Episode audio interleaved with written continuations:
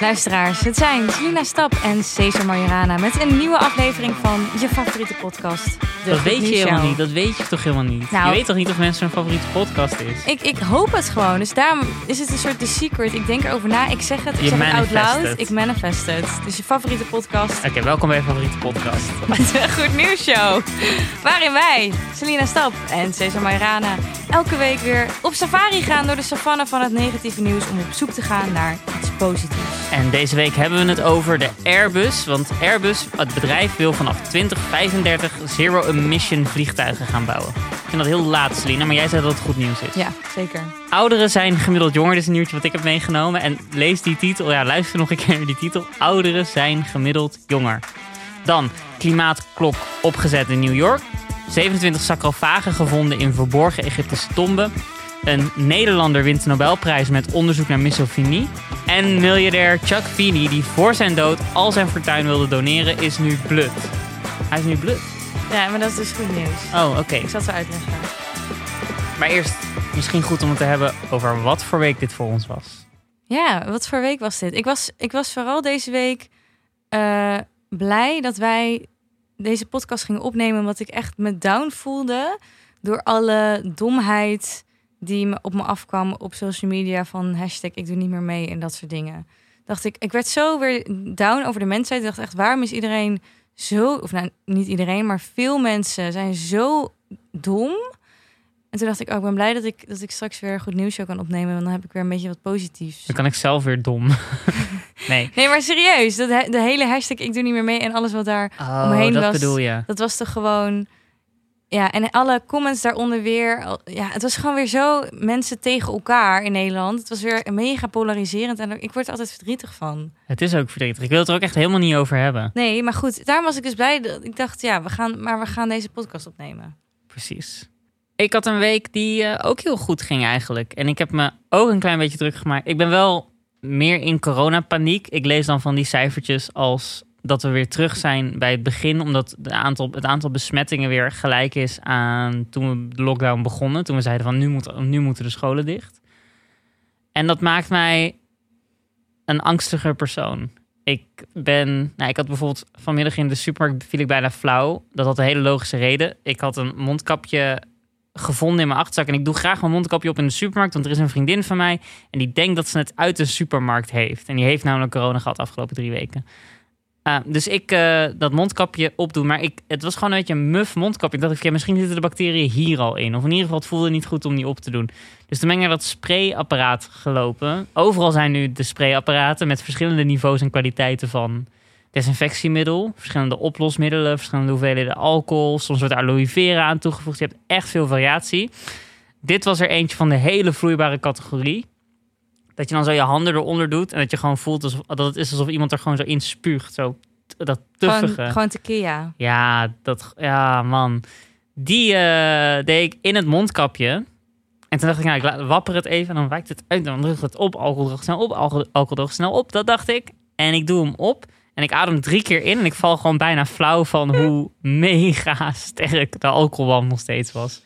Uh, dus dat is de gekte waar ik mezelf toe drijf. En maar ik denk dat dit het illustreert. Zo dom, serieus. Ja, het is ook heel dom. Maar ik wil wel dit een keer uitproberen, omdat ik mocht de afgelopen twee weken geen alcohol drinken. Door bepaalde medicijnen. En dat vond ik heel kut. Dus toen dacht ik, oh, misschien zijn er ook andere manieren waar je toch een beetje een soort van die alcoholvibe kan hebben. Dus misschien is dit Blowen. het dan.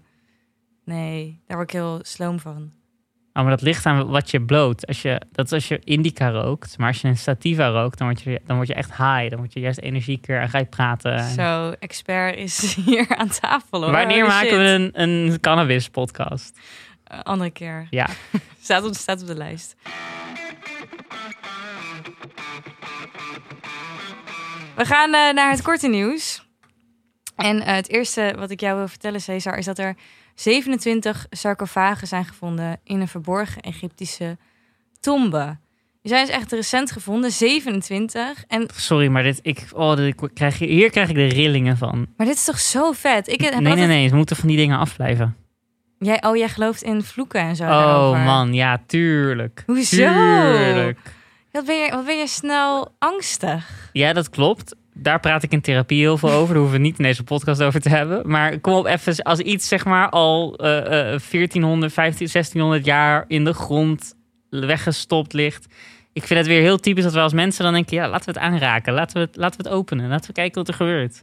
Het is niet wat kijken wat er gebeurt. Het is, het is een vondst voor de archeologie en voor de geschiedenis dat we weer extra informatie hebben over de Egyptenaren van, van toen. Wat voor eh, informatie zat er tussen? Wat voor dingen zijn er gevonden? Nou, ze hebben dus die 27 sarcofagen gevonden. Als je de foto's ook ziet, ik zal ze in de show notes zetten. Ze zien er allemaal nog echt spik en span uit, nog met kleuren en alles. En ze zijn daar dus 2500 jaar geleden uh, begraven. 2500 jaar, 2500 Zo. jaar. Dat is toch echt bizar. En nou ja, ze hebben wat daar nou precies voor onderzoek uit voortkomt en wat ze daarin vinden, dat is nu nog niet bekend, want ze hebben ze echt pas net gevonden. Dus waar, eerst hadden ze er 14 gevonden, toen nog 13 extra. Maar wat ik zo vet vind, is dat ik heb, ik heb altijd het idee van alles is wel ontdekt in de wereld. Er zijn, geen, er zijn niet meer echt geheimen. Stel je bent archeoloog en dan vind je gewoon nu in 2020 nog een Egyptische tombe met 27 sarcofagen. Dat is toch, is toch heel vet. Dan krijg je 27 toch- doodskisten dus eigenlijk. 27 doodskisten, inderdaad. Maar je krijgt er een soort van Indiana Jones. Ik krijg een soort Indiana Jones vibe daarbij. Maar goed, misschien romantiseer ik het een beetje. Ja, ik snap het wel. Ik snap de, de, de, de, dat eromheen, snap ik. Maar het, het blijft wel... Ja, je hebt... Oh, man. Je gelooft, geloof jij ook in de vloek van Tutankhamon? Nee, alhoewel, ik heb wel een paar van die Discovery documentaires gezien... die je aan het twijfelen brengen, hoor. Dat dan zo'n hele crew ziek wordt ja, dat dat ding... is dat. Maar dat is waarschijnlijk omdat die lucht dus waarschijnlijk ja, ver- vervuild is. Of eh, dat ze toch een bepaalde giftige stoffen eh, erin hadden gespoten op die dingen. wa- Waardoor als het, als het weer in de open lucht zou komen, dat dat dan ineens een soort chemische reactie geeft. En die mensen daar dus daaraan ehm, ziek van werden. Tuurlijk, ja. Dus niet, ik geloof niet, Niet per se in de vloek. Maar laat het met rust. Dat wil ik graag meegeven aan de wereld. Laat het met rust. Nee, want anders gaan nu, als ze nu met rust laten, gaan dieven erop af en die jatten het ook. Ja, Dus ze kunnen nu beter gewoon mooi, we, gaan het, we graven het uit, we gaan er onderzoek naar doen en dan zetten we het in een museum. Ik moet wel denken aan die, die zwarte mysterie sarcofaag. Weet je dit nog? Dat er zo'n hele vreemde was geopend. En toen was er een change.org petitie gestart. Omdat in die sarcofaag, met allemaal soort van botten die ook aangeroerd leken, daar lag een soort watertje in. Een soort, een soort- het was het, gewoon ja, het was, het was een, een zwart, zwarte vloeistof. En toen is er een change.org petitie gestart en die heette Let people drink the red liquid from the dark sarcophagus. Om te die kijken had- wat er gebeurt. Die had echt, ja, die had volgens mij echt 40.000 handtekeningen of zo. Dat ging echt storm. Iedereen wilde het drinken. Heeft, en heeft iemand dat gedaan? Nee, natuurlijk niet. Oh, dat nou wel jammer. Had ik al willen weten wat er gebeurt. Ah. Maar goed, volgende korte nieuwtje heb jij voor mij. Vertel. het is dus zo dat ouderen gemiddeld steeds jonger zijn. En die zin, die, daar blijf ik eindeloos op, op, op hangen. Maar waar het op neerkomt is, er is een Fins onderzoek geweest... tussen eh, mannen en vrouwen van de leeftijd 75 en 80... En ze hebben gekeken naar wat kunnen die mensen. Wat is hun spierkracht? Hoeveel lopen ze? Op wat voor snelheid lopen ze? Hoe reageren ze? Hoe verbaal zijn ze? Hoe, ja, hoe redeneren ze bijvoorbeeld? Hoe is hun geheugen? Nou, dat zijn allemaal dingen die dus tegenwoordig significant beter zijn dan dat ze waren bij, van de, van, bij mensen van dezelfde leeftijd 30 jaar eerder. Wil dus zeggen dat onze bejaarden nu jonger zijn. Volgens allerlei klassificaties van zeggen, nou dat is dan, dan ben je jonger als je wat kwieker bent. Ehm, dat is aan de hand, man. En ik, ik zie het om me heen ook wel een beetje zo. Ik had, dit weekend ging ik, eh, dit weekend was ik op, op bezoek bij een vrouw, een oudere vrouw die ik nog niet had ontmoet. Zij was getrouwd geweest met mijn vader. Het is een hele side story, maar ik verwachtte dat dit een, want mijn vader was een beetje een oude man. Ik verwachtte dat bij haar ook. En dit was zo een kwieke vrouw. En ze was in de zeventig ook. Maar, oh man, ik was helemaal onder de indruk. Dat ik dacht van, ja man, 70 worden helemaal niet zo erg. Zo jong. Nou ja, je ziet het inderdaad. Als ik kijk naar mijn ouders, ze zijn in de 60. En vroeger, als ik mensen in de 60 keek, dan waren dat wel bijna bejaarden. Dat zie ik bij mijn ouders echt totaal niet. Nee, toch? Nee. Heel veel mensen hebben volgens mij dit idee dat het dat bejaarden, het is gewoon een beetje opgeschoven. En dat is dus nu door een Fins onderzoek eindelijk bevestigd. Dan, Airbus wil vanaf 2035 zero-emission vliegtuigen gaan bouwen. Het blijft natuurlijk eh, een soort van lastig ding. Want volgens mij willen alle millennials, inclusief ik, zoveel mogelijk reizen en dingen zien. Maar toch ben je ook wel bewust van wat het dan voor effect heeft op de, op de planeet. En ik ben me daar heel bewust van. Van oké, wat kan ik zelf daarin wel of niet bijdragen? Maar toch wil je ook op vakantie. Dus het is elke keer een soort balans die je moet zoeken. Maar nu gaat Airbus dus vanaf 2035 zero-emission vliegtuigen bouwen. Waarin we de hele vliegschaamte, huts, weg kunnen gooien. En gewoon zonder vliegschaamte en weet ik veel hoeveel bomen hoeven te planten. afschuwelijk. Nee, kunnen gaan vliegen en weer op vakantie kunnen. Want ze hebben dus nu drie verschillende concepten van vliegtuigen die ze verder willen gaan eh, uitwerken en onderzoeken. En dan eentje van die drie gaat het echt worden. En het, het, Maar het zijn concepten nu dus. Ja, maar ze gaan wel echt vanaf 2035 is er eentje van die drie. En die eh, vliegt dan op waterstof. Dat Maar zie je dus nu ook nu. 2020, Celine, dat is 15 jaar. We hebben helemaal niet 15 jaar de tijd. We kunnen niet nog 15 jaar lang vliegen hoe we nu vliegen.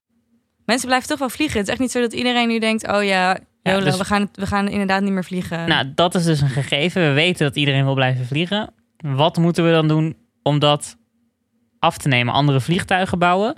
Of gewoon radicaal nadenken over wie er nog met welke reden mag gaan vliegen zomaar? Ja, maar dan, dan krijg je echt. dan krijg je echt. De mensen willen zo ik. graag naar Salau en naar Benidorm. Ja, en we hebben vrijheid. En, en ik vind in principe reizen, qua culturen ontdekken en met andere eh, mensen in contact komen dan in je eigen bubbel hier in Nederland, is denk ik voor iedereen alleen maar goed en een goede ontwikkeling. Alleen wat daar natuurlijk qua eh, milieuverontreiniging bij hoort, dat is natuurlijk slecht. Maar Dus jij denkt, dit, gaat, dit, is, dit, gaat het, dit gaat het oplossen. Zeker. Vliegtuigen op basis van waterstof. Daar zijn ze ook al met auto's bezig. Dat schijnt ook. Het is toch of elektrisch rijden of waterstof, wat uiteindelijk denk ik het wel of niet gaat winnen. Ook huizen, steeds meer huizen zijn op waterstof trouwens. Nee, ik, ik geloof er echt in. Ik denk vanaf 2035, als dat, als dat een beetje op gang komt, dan kunnen we toch blijven vliegen en ons niet schuldig voelen over alle bossen die we daarmee doorheen jouw, jagen. jouw toekomstbeeld is dat jij in 2035 in de lucht met een, met een Caprina, een cocktail zo in je hand, lekker genietend, zorgeloos, 0% emissies aan het vliegen bent. Terwijl ik denk dat wij in 2035 aan het vechten zijn om de laatste druppel water op een groen blad wat nog groeit ergens in de savanne. En dat we rondstruinen in de ruïnes van het laat kapitalisme. Ik geloof echt niet dat we zoveel tijd hebben. Ja, maar als dat het geval is, ben ik toch al dood. Want ik kan niks. Ik En kan niet dit is de echte mentaliteit van, vliegen, van mensen die gaan vliegen nu. Die denken van, ah, ik ga toch wel dood. Hey, ik heb eh, eh, nieuws wat, wat iets heel goeds doet met hoe kort we eigenlijk nog maar hebben om echt iets te gaan doen aan onze klimaatproblemen. Er is namelijk in Manhattan een bekend gebouw bij Union Square. Of zeg ik dat goed? Is dat Union Square eigenlijk? Ehm, ben je er wel eens langs ge... Ik ben er, ik ben er dus voor dit jaar in het, voor het eerst gevlogen naar Amerika. Ho, ho, ho, ho, ho. En dat Ja. zorgt er dus voor dat ik uiteindelijk dood lig te gaan in een of andere savanne met aan een doorblaadje likkend om mijn laatste water eruit te zuigen. Maar goed, toen kwam ik op Union Square en dan heb je dus een heel groot gebouw met een, met een, ja, met een, met een lang getal erop. En er is altijd heel veel twijfel geweest over wat dat gebouw was in Manhattan op Union Square. Ehm, het, bleek de af, het blijkt af te tellen. Ik heb toen ook gegoogeld. Het blijkt af te tellen naar middernacht. Want het was niet de klok. Dus ik dacht, wat een gek. Maar het telt gewoon alleen af naar middernacht. Dat was onduidelijk. Nu zijn er twee kunstenaars gevraagd om iets nieuws te doen met de klok. De vorige klok was ook door twee kunstenaars gemaakt. Maar deze twee kunstenaars hebben besloten: goh, in plaats van een klok die zegt hoe laat het is, gaan we een klok bouwen die zegt hoe lang we nog hebben. Hoe lang hebben we nog voordat eigenlijk alle fossiele en minerale brandstoffen op aarde opgebruikt zijn? Er is een studie waar onder andere het Parijsakkoord op gebaseerd is, die zegt dat dat nog maar zo'n zeven jaar zijn. Dus die aftelsom zie je nu, dat we nog maar zeven jaar, eh, iets meer, minder dan 100 dagen, 17 uur, 29 minuten en 22, 21, 20 seconden. Maar wat is dan, wat is dan op? Is de olie op? Wat is de... de... Dus dan Ja. kunnen er geen auto's meer rijden. Kunnen we geen vliegtuigen... Wat is, Ja, wat is dan er is precies op? op. Op basis van onze huidige emissie. Dus hoeveel we nu verbruiken, is gewoon dat dan is zeg maar de wereldvoorraad is gewoon binnen zeven jaar en 100 dagen op. En we gaan er ook vanuit dat die totale uitputting van de aarde ervoor gaat zorgen. Nou, dan krijgen we inderdaad de ruïnes in de savanne, jij en ik, op zoek naar het laatste druppel water. Eh, of nou eigenlijk veel praktischer. Het zijn dingen die je nu al veel meer ziet gebeuren. We krijgen meer overstromingen, zie je nu al gebeuren. We krijgen meer bosbranden, zie je nu al gebeuren. We krijgen eh, meer eh, honger. We krijgen veel meer reizende mensengroepen. Dus we gaan veel meer gewoon stromen van migratie zien. Omdat er gewoon sommige plekken onleefbaar wo- wo- worden. En dat duurt dus echt niet meer zo heel lang. En er zijn veel manieren waarop we hier aandacht voor vragen. Maar het feit dat er nu gewoon ergens op aarde een klok is die echt, echt, echt aftelt, die gewoon echt laat zien wat er nog over is, vind ik eigenlijk goed nieuws. Ik vind het echt doomsday nieuws. Ik word er helemaal verdrietig van. Zeven jaar! Dat is echt al zo snel. Dus daarom, dus wat zegt dat over 35 jaar wachten op eindelijk een groen vliegtuig? Het is gewoon te weinig 15, mensen hè? beseffen zich 15, niet 35 jaar. 15. te weinig mensen beseffen zich dat er gewoon nog maar heel weinig tijd is. Ik bedoel, Trump stapt uit een klimaatakkoord. Eh, er zijn gewoon 180 landen die zeggen we gaan er wel aan werken om in ieder geval de stijging van de temperatuur met 2 graden af te wimpelen. Als het kan zelfs anderhalf. Maar pff, man, het, het, het, ziet er niet, het ziet er gewoon nog steeds niet goed uit. Behalve een klein dingetje, ook bij de klok geïnstalleerd, is een tweede timer. En die is in het groen.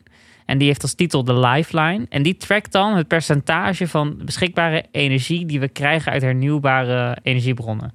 En Ah. die timer die staat nu mm, ergens, die schommelt ergens een beetje zo rond wat er eigenlijk de secondes zijn nog. Maar als het goed zou gaan, dan kunnen we 100% die, die lijn volmaken. Als we 100% overstappen op houdbare vormen van groene energie, groene stroom, dan gaat het beter met ons. En hoeveel procent staat hij nu? Kun je dat zien? Ja, er is een website van deze klok. Ik ga even kijken of ik het op de website... Het is climateclock.world. En de lifeline staat op 27% nu. Oh, dat vind ik hoopgevend. Ja, maar 7 jaar, 99 dagen en 16 uur. Nee, Cees, het heet een goed nieuws show. Het heet niet de alles moet kut, alles gaat naar de tyfus show. Dus we zijn hoopvol. 27 procent. Ja. Over een vierde. Het is wel echt, er is ook een app en eh, eh, er is een ontzettend, die website is ontzettend fijn, climateclock.world. Want ik, nou, het staat ook in de show notes natuurlijk, maar eh, daaronder heb je een soort ticker met goed nieuws. Goed klimaatnieuws. Ah, kijk, daar hou ik van. Ja. Ik, ga ik wil dit kijken. ook in Nederland wel. Zo'n Nee. klok, het liefst op de dam, het liefst boven de bijenkorf. Ik word daar echt verdrietig van. En bij, en bij een van de stations van Almere. Almere Buiten, Almere Poort, Waarom Almere? Almere Centrum. Ja, het is gewoon goed centraal. dat is wonen het veel eerste wat mensen. overstroomt. dat was vroeger toch al water. dat is toch niet erg. Ehm, goed nieuws, maar met een zwarte rand. Oké, dan eh, gaan we naar eh, mijn eh, grote nieuws. Vertel, ik ben benieuwd. Nou ja, dit gaat dus over de miljardair Chuck Feeney, die voor zijn dood al zijn fortuin wilde doneren aan goede doelen. Hij eh, was eh, eh, mil- miljardair.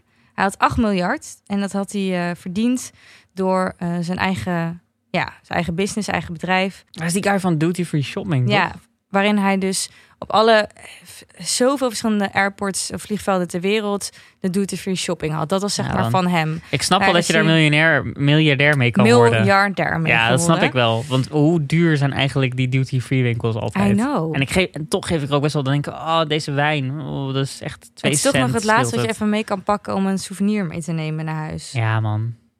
Maar goed, dat was dus van hem. Daar is hij dus miljardair mee geworden. En uiteindelijk had hij dus 8 miljard. Dat was zijn fortuin. En eh 38 jaar geleden, toen besloot hij van... ik wil in mijn leven, eh, want hij is nu 89... ik wil, voordat ik doodga, al die 8 miljard hebben besteed aan positieve dingen, aan goede doelen. Dus toen is hij een eigen stichting begonnen. Die heet de Atlantic Philanthropies.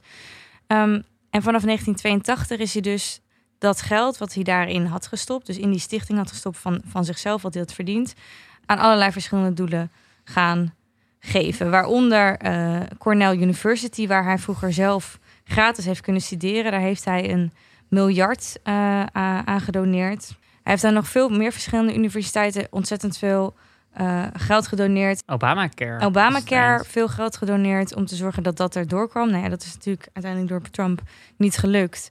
Eh, en hij heeft nog 870 miljoen aan human rights groups gedoneerd. Nou, echt van alles wat. Dus hij heeft al die 8 miljard de afgelopen 38 jaar alleen maar aan goede doelen gedoneerd. In ieder geval waar hij iets positiefs in zag. En in die 38 jaar heeft hij ook niet ja, als een rijk man geleefd. Dus hij had geen huis, geen eigen huis. Hij huurde een appartement in San Francisco. Hij had één paar schoenen zijn hele leven. Nou ja, misschien heeft hij het een paar keer wel, ver, veranderd, die schoenen. Maar hij had altijd maar gewoon één paar schoenen in Mhm. huis.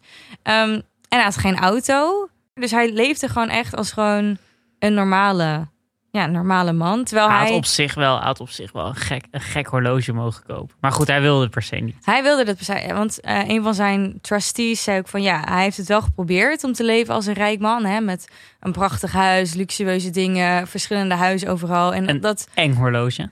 en een sick horloge en het paste gewoon niet bij hem. Hij voelde zich daar gewoon niet goed bij. Ehm, dus toen heeft hij die ja wat sobere manier. Wat weird dat, gewoon, dat, dat zo'n man dan opeens besluit van... oké, dus miljonair zijn is eigenlijk niet mijn... Want er hoort inderdaad een lifestyle bij rijk zijn. Het wordt Ja. toch verwacht dat je een beetje... dat je hè, graag met British Airways vliegt... dat je een Hermes tas hebt. Hij vloog ook altijd economy class als hij vloog. Ook Oh, als zijn, zijn geliefde in business class zaten. Dit is echt gewoon een diehard goede gast. Terwijl hij heeft dus dat eh, duty-free shopping met iemand anders opgericht. Dat heet, die heet eh, Robert Miller. En die is dus van de rijkste, op, staat op de lijst van de rijkste personen op nummer 293 ter wereld. Die heeft 6 miljard.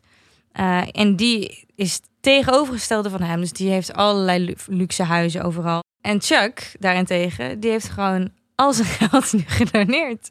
Die is gewoon blut. Die heeft gewoon niks meer. Maar hij wilde Nee, dat graag. niet- heeft hij echt niks meer? Nou, hij heeft nog wel.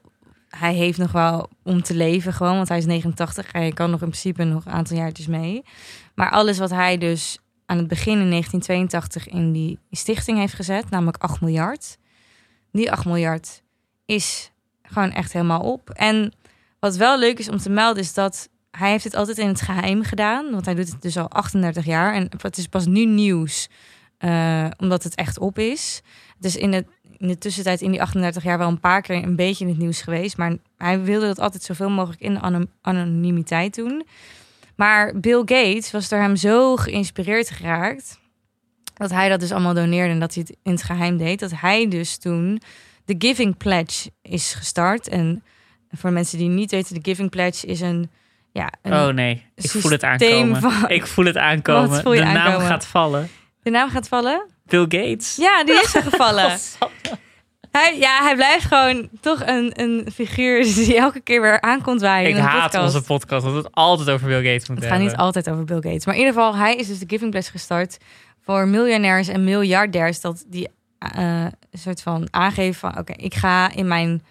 eh, als ik doodga, gaat er 50% van mijn fortuin gaat naar goede doelen. En heel veel eh, miljardairs en miljonairs hebben zich daarbij aangesloten. En dat komt dus door Chuck Finney. Omdat die hen heeft eh, geïnspireerd.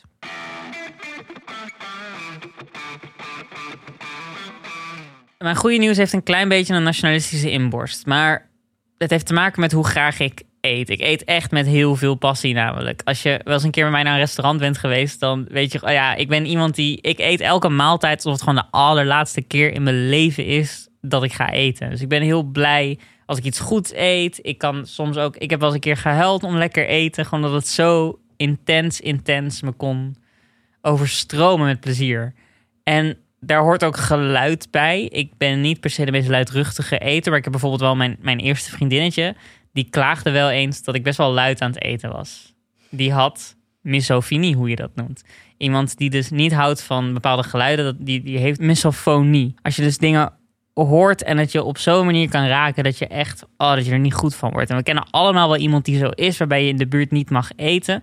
En dat was heel lang een soort een gekkigheidje dat je dan wist dat dat misofonie heette. Um, maar het is nooit vastgesteld dat nou eigenlijk dat echt een psychologische aandoening is. En nu eindelijk is deze psychische ziekte als ziekte bestempeld. En daar was een Nederlander voor nodig, een Vlaams-Nederlander, Damian Denis. Die heeft namelijk een onderzoek gedaan. En in dat onderzoek stelt hij vast dat er serieus aandacht nodig is eigenlijk voor deze psychische ziekte. En dat er gewoon criteria zijn. En nou, dat onderzoek heeft hij aan het Amsterdam UMC uh, geleverd. En het heeft hem, tromgeroffel, de IG Nobelprijs opgeleverd. En de IG Nobelprijs is niet echt de Nobelprijs van... wow, je hebt iets baanbrekends gevonden. We mogen jou nooit vergeten. We vernoemen 25 scholen naar jou. De IG Nobelprijs is de Nobelprijs voor wetenschappelijk onderzoek... Wat, waar je eigenlijk initieel om moet lachen... maar waarvan je later toch gaat nadenken... goh, daar is iets. Er zijn andere onderzoeken die dat ook hebben gewonnen... die bijvoorbeeld gingen over, ehm, eh, over briefgeld. Dat was vorig jaar dat er dan gecheckt werd welk briefgeld het meest vieze was in Europa. En dat dan Roemenië het vieste was en Kroatië het schoonste was, het uitkom, was de uitkomst daarvan. Heel weird onderzoek, maar waar je wel gaat nadenken van... goh, inderdaad, hoeveel bacteriën draagt briefgeld, met zich mee? Eh, ook gewon, gewonnen door een deels Nederlands onderzoek dus. En, ander nieuws, in 2015 was er ook alweer een Nederlands onderzoek... wat die IG Nobelprijs won. En dat was een onderzoek naar het woord he.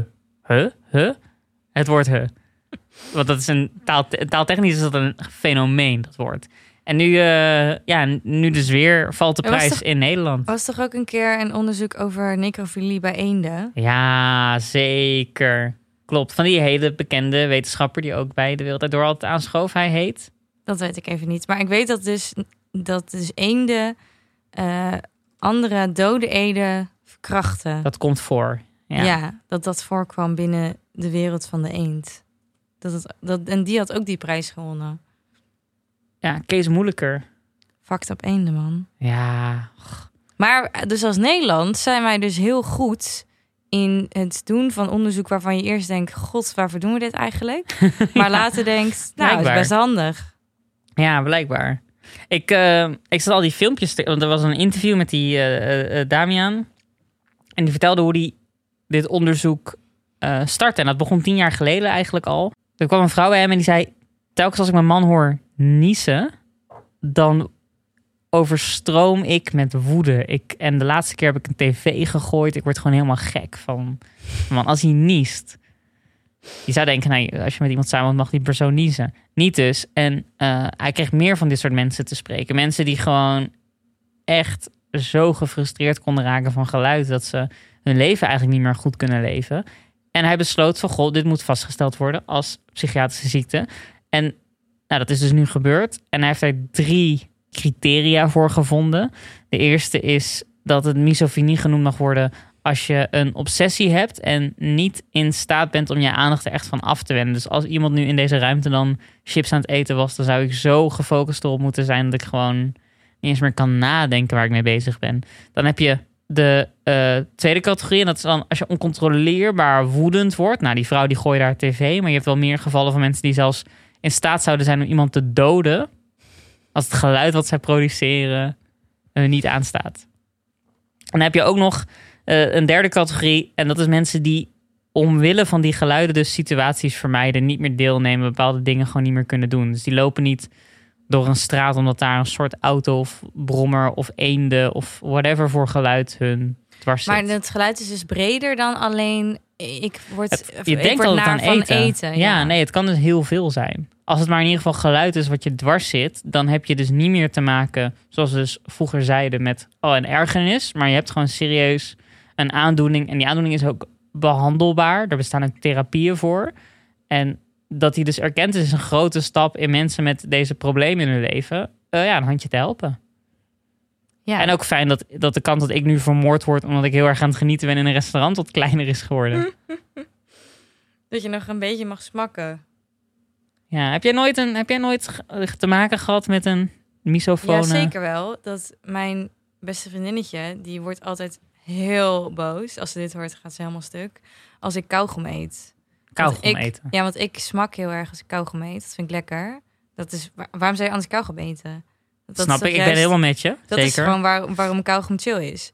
Dus als ik dan bij haar ben, ik heb een kauwgompje, dan wordt ze altijd, ze is altijd en nu zegt ze altijd stap en dan doet ze altijd zo haar hand uit en dan moet ik daar het kauwgompje in doen en dan gooit ze het weg. En weet je zeker dat dat niet een vet is van haar? Is dat ze gewoon graag wil dat mensen iets in haar hand spugen? Nee, dat weet ik wel zeker, ja. Dan ben je misschien getricked. Ja, misschien, kan ik nog even vragen. Nee, maar zij wordt echt heel boos daarvan. Ah ja. Nou ja, Verder heb ik nog niet echt ervaren. Als zij daar heel boos van wordt, dan kan ze daar eigenlijk ook iets aan doen. Zodat, je, zodat jij gewoon lekker kauwgom mag eten als je wil. Ja, maar het is niet zo dat ze me zou vermoorden, hoop ik. Dat weet je helemaal niet. Nee. Dat je hier zit is een godswonder, Selina. God, weer. Ik heb corona heb ik ontweken. Die misofonie mensen heb ik ontweken. Ik heb nog alleen die apocalypse die ik nog tegenkom. Kijken of ik dat overleef. God, de, de nieuwsberichten hier over lezen was wel ook een hele frustrerende ervaring. Want elk item van elke media, elke zender die er even aandacht aan wil besteden, van Jinek tot uh, tot eigenlijk het filmpje van de universiteit zelf, is natuurlijk gevuld met van die geluiden die dan irritant zijn. Om een beetje een voorbeeldje te geven en invoelbaar te maken van waar dat onderzoek nou eigenlijk om ging. Dus ik heb allemaal van die filmpjes moeten checken waarin dan iemand aan het roggelen was. Of waar je dan zo getik hoorde. Daarom is dit onderzoek natuurlijk ook belangrijk. Want nu zien we dat een, ja, oké, een deel is ergernis. Ik ben iemand, ik erger me gewoon. Maar ik erger me bijvoorbeeld ook aan, aan bepaalde van die pimpelpopper video's. Ja, maar dat, ja, oh, dat, is maar echt goor. er zijn mensen die dat te gek vinden. Dus er is duidelijk een grens tussen wat is ASMR, wat, is, wat zit in, in die space van ASMR. En wat is gewoon mensen die hun leven moeilijker leven omdat geluiden ze een bepaalde impact op ze hebben. Nobelprijs, toch vet. Geen Nobelprijs. Inderdaad.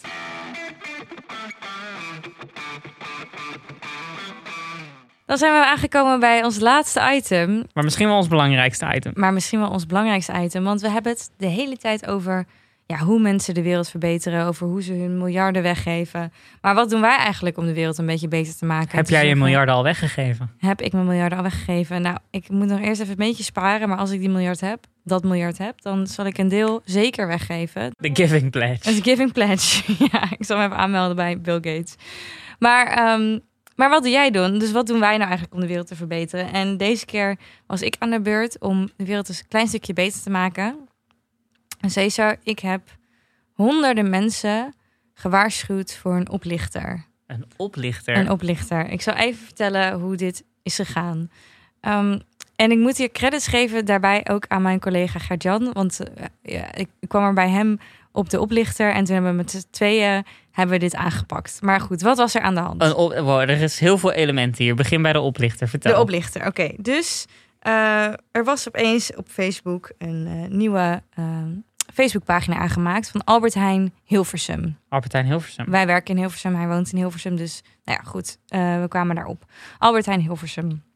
En Albert Heijn Hilversum had een winactie gepost. Van nou, zet onder deze winactie het woord Segway met een foto van een bepaalde step. En uh, uit de mensen die, uh, die hieronder het woord Segway plaatsen, daar kiezen wij een aantal mensen uit die de prijs winnen, die namelijk de Segway hebben gewonnen. Namelijk die step. Wat natuurlijk al verdacht is, want een Segway is geen step. Dat even ten eerste. Dat is het eerste wat mij opviel aan dit bericht. Een Segway is een? Dat is zo'n elektrisch ding waar je Ja, maar wat is het dan als het geen step is? Ja, de wielen zitten naast elkaar in plaats van voor en achter, maar... Het is, het is geen step. Een step moet step. je zo... Een Segway is een Segway. Ja, een Segway is gewoon een Segway. is gewoon een apart soort ding. In ieder geval, het is geen Dit is de marketing van Segway. Dat Ja. ze dan doen alsof ze geen step zijn. Maar goed, er stond dus bij, als je deze Segway wil winnen, wat dus eigenlijk een step was, zet dan onder het woord Segway.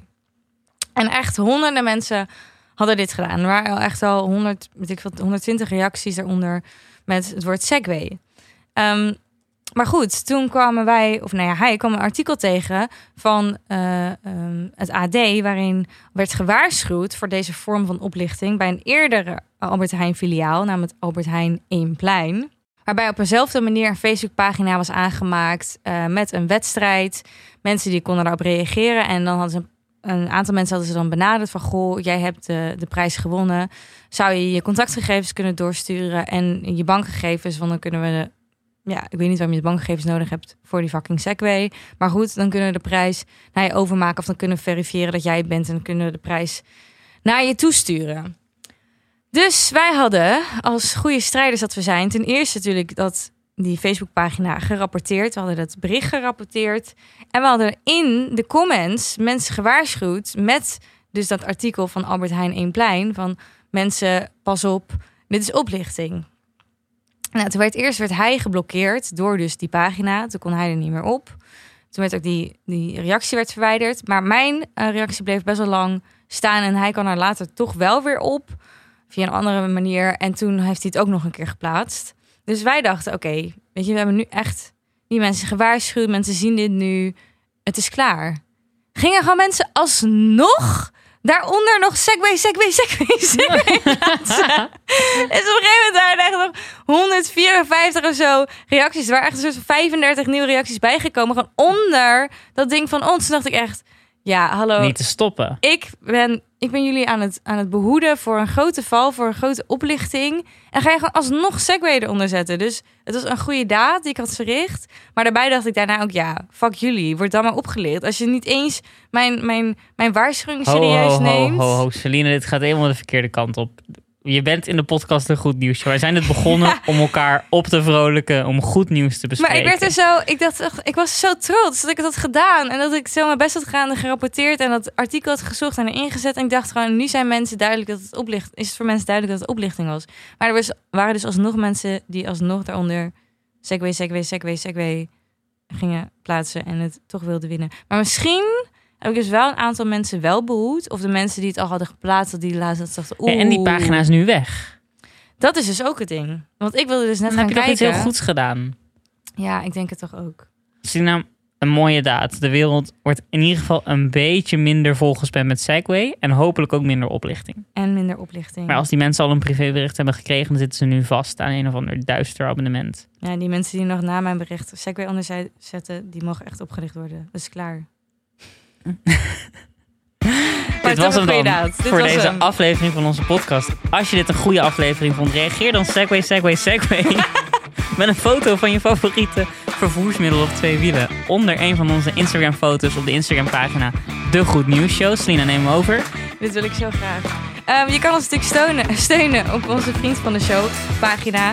Je kan op onze Instagram kijken en ga dat ook vooral volgen. En wat ik heel leuk zou vinden is, vind je dit nou een leuke podcast?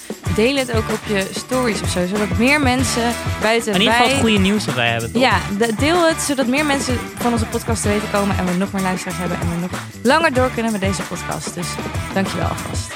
Segway.